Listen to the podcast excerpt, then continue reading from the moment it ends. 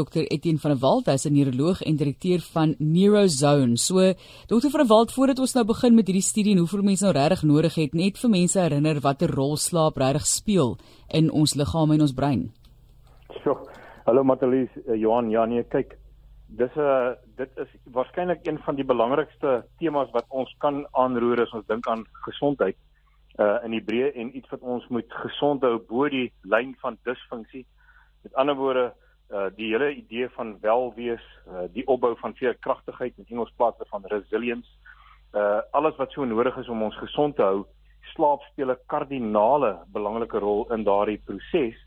En slaap uh om die waarheid te sê, uh, word gereguleer in 'n gedeelte van die brein, uh die breinstam wat eintlik interessant genoeg rondom rondom hom uh alles wat belangrik is vir om ons aan die lewe te hou, die sogenaamde vitale funksies dryf. So dis 'n vitale ding. Ons moet slaap om in die lewe te bly. Slaap is 'n in baie opsigte eintlik 'n baie meer aktiewe brein uh 'n proses as wanneer ons wakker is. Ons dink ons gaan slaap, ons rus. Uh ons, ons ja, natuurlik rus ons en ons uh, word weer vars. Uh maar eintlik wat die brein doen is hy sê ek wil hê jy moet gaan slaap en ek gaan nou allerlei dinge met jou doen, jou spiere en met jou lyf om seker te maak dat jy nou vir my kans gee om al hierdie goed wat nou vandag hier gebeur het, die vorige dag uh uit te pleis om die probleme op te los, om die geheue te bou, om te leer en om eintlik meer kennis te hê en probleemoplossingsvaardighede wat die twee belangrikste goed is wat ons moet laat aanhou leef en oorleef in 'n veranderende wêreld. Kyk, ek wil altyd tegniese vrae vra soos wat doen die brein dan wat byvoorbeeld beteken my geheue gaan goed funksioneer die volgende dag of ek gaan kan bestuur en heeltyd bewus wees maar die aksietyd gaan byvoorbeeld goed wees op die pad indien daar iets gebeur want dit is die effek op die ou en jy word die volgende oggend wakker jy het nie goed geslaap nie jy kan nie lekker onthou nie soos ek sê jou geheue is nie fantasties nie jou funksionering fisies is nie altyd baie goed nie. So soos ek gesê het, byvoorbeeld bestuur, jy reageer nie vinnig genoeg nie. So wat doen jou brein wat daardie aspekte vir die volgende dag funksioneel maak? Ja, so kom ons kom ons pak gou net baie vinnig uit. Ons het natuurlik nie baie tyd nie, maar as jy nou dink aan die brein in terme van twee belangrike funksies. Die een is hy verbeter jou breinfunksie om dit so te stel vir die volgende dag. So dit wat jy nou na verwys Martelies is iets wat môre moet gebeur as ek vannag gaan slaap. Ek moet môre 'n vars brein hê wat vinniger reaksietyd het en wat goeie besluite kan neem. Ek het ook oor die lang duur breingesondheid nodig wat my in staat stel om eintlik op 'n langdurige basis ook dan baie goeie kognitiewe funksie te bou. So kom ons gaan gou na die na, na die twee goed. Die eerste ding is in die nag wat letterlik gebeur as jy en ek gaan slaap vannag, uh is dat daar's 'n stelsel eintlik die limfvate, die vate wat die vog nou so uitdreineer wat te doen het baie met die met die immunologiese stelsel te doen het. Uh, daai daai bloed daai vate uh, is eintlik gekonnekteer aan tussen ons liggame en ook in die brein. Dis baie onlangs eers uitgevind. Hulle noem dit die die glymphatic system of die glym die glymfatiese stelsel. Daardie stelsel voer letterlik die toksines weg wat jy en ek elke dag opgebou het en hy tussen 7 en 8 ure per nag nodig daarvoor. So die bloedvaatjies eintlik gaan die areas net bo die bloedvaatjies wat reg deur die hele brein loop, gaan oop in sulke tentvormige spasies en dan voer dit die vog wat in ons uh, in ons nou rondhang in ons brein in elk geval, ons het mos nou cerebrospinale vog in hierdie voggevulde holtes met die naam van ventricles.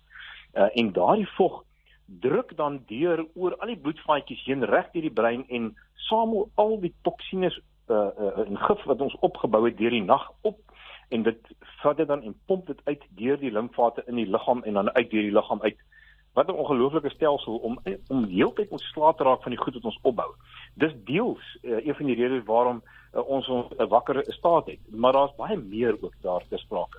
Dit uh, gaan ook daaroor dat ons hormone vrystel by regte tye dat dat ons in 'n siklus hardloop waar sekere hormone aan en afgeskakel word in hierdie slaapsiklus sodat ons 'n brein kan hê wat reg is en weerbaar is en gereed is om te funksioneer op sy beste. Dit klink vir my of die moderne lewenstyl waar binne ons is dokter Etienne asof dit eintlik daardie stelsel 'n bietjie uitdaag. Sjoe, Johan, ek meen jy weet ek sou Edison met die by die by die elektrisiteit uitgevind het, nê. Nee. Wel, jy weet uh, as jy daaraan dink uh, ek, ek ek het praat baie met um, met leiers oor die goed want dit want dit is belangrik dat leiers verstaan hoe om spanne en hulle mense te ondersteun om ook vanuit die werksomgewing hulle te op op te meer in die by die huislike omgewing. En die ene wat ons sê is wanneer gaan ons nie meer ritmes, veral slaapritme of ander ritmes nodig hê in ons in ons lewens nie. Wel dis wanneer hierdie bolle wat rondom hulle asse wentel in in, in die heelal gaan ophou om dit te doen. Ons het dag-nag siklusse, ons het lig donker ons het allerlei siklusse en die hele liggaam en die stelsel is daaraan vas. So on, alles werk ritmies. Ons ons sik, ons siklusse loop letterlik so en jy kan nie daarvan wegkom nie. So die belangrikste ding is om met die natuur saam te werk en nie teen die natuur te gaan. En daarom moet ons alles wat ons kan doen om te sorg dat ons liggame gaan slaap en wakker word in 'n ritmiese uh, siklus. Nou die goeie nuus is dat hierdie hele ding is eintlik natuurlik um, ge, ge, ge, ge, ge, gebou om dit vir ons te doen. Ons het 'n dag-nag siklus en ons het 'n aan-afskakel, hulle noem dit in Engels 'n flip-flop switch wat eintlik in jou brein staan uh letterlik deur die deur 'n uh, struktuur in die brein met die naam van die hypothalamus in die breinstam self uh, in 'n skakeling gaan en dan letterlik maak dit jou nie slaap. So ons moet gaan slaap. Uh, ons stelsel is gebou om dit te doen en ons moet ook wakker word op die regte tyd. As ons ouer word, is daar wel 'n bietjie van 'n probleem. Dan kan ons moontlik 'n bietjie minder sogenaamde melatonien maak, uh, die breinareas vir verklein so klein bietjie en ook natuurlik veral met stres gepaard. Kroniese stres is 'n verskriklike ernstige probleem vir vir slaap. Uh en dan natuurlik ander goed wat ons ook so 'n bietjie die slaaphigiëne mee uh, beduiwel is goed soos alkohol in die laaste 2 ure voor uh, ek gaan slaap vetterige kos in die laaste 2 ure voor ek gaan slaap. Die gebruik natuurlik van al ons al ons kognitiewe aktiwiteite, ons wil allerlei uh debatteer debatte voer ons wil ons oë natuurlik rig op die uh die die sogenaamde LED skerms wat wel uh, iets met die naam van retinopsin aktiveer in die agter in die retinas wat jou wakker hou. So daar's allerlei goed wat ons moet weet en ons moet vermy en dan sal ons natuurlik gaan slaap.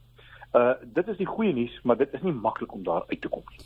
Goed, ons gaan op 'n later stadium weer gesels oor hoe om daar uit te kom, maar hoeveel het ons nodig? So wat is die optimale hoeveelheid slaap wat jy benodig? Baie interessant, uh jy weet uh, tot onlangs het ons al geglo dis iewers tussen 7 en 9 ure per per nag vir 99% van die wêreld. Hierdie studie wat retrospektief gedoen is met 500 000 mense in 'n biobank uh praat van 7 ure as die optimale hoeveelheid en hulle sê nie minder of meer as dit nie. Uh, ek sal dit nog nog ons moet kyk hoe die wetenskap dit nog verder bevestig en verifieer. So heidaglik hardloop ons hier tussen 7 en 9 ure. Uh, en soos ek sê hierdie nuutste studie waar hy praat van 7 ure. Uh, ons uh, die daar is mense wat baie minder slaap nodig het, so 6 of 5 ure, maar dis 'n bitter klein persentasie, minder as 'n persent van die wêreld. So as jy dink jy is 'n kortslaper, is die kans maar baie goed dat jy nie is nie.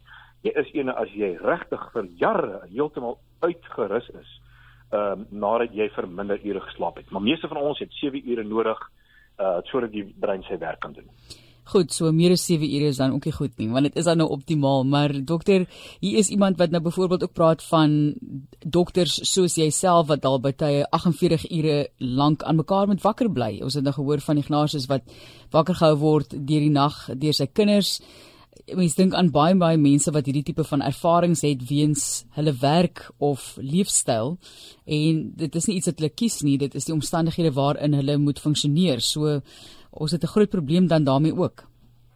Absoluut. Uh, ek meen Martelies jy weet ek uh, uh, as jy dink wat wat wat ons eintlik aan onsself doen uh die kostes van byvoorbeeld medisy om om, om eintlik behoort ons medisy te hê wat letterlik verkort uh, te, uh, periodes uh, uh, werk wat rus tussenin en wat nooit hierdie lang ure werk. Dit is baie baie sleg vir die wêreld eintlik as jy dit so kan stel. So ek gebruik hierdie nou maar net as 'n voorbeeld omdat ek dit goed ken en uit daardie omgewing kom.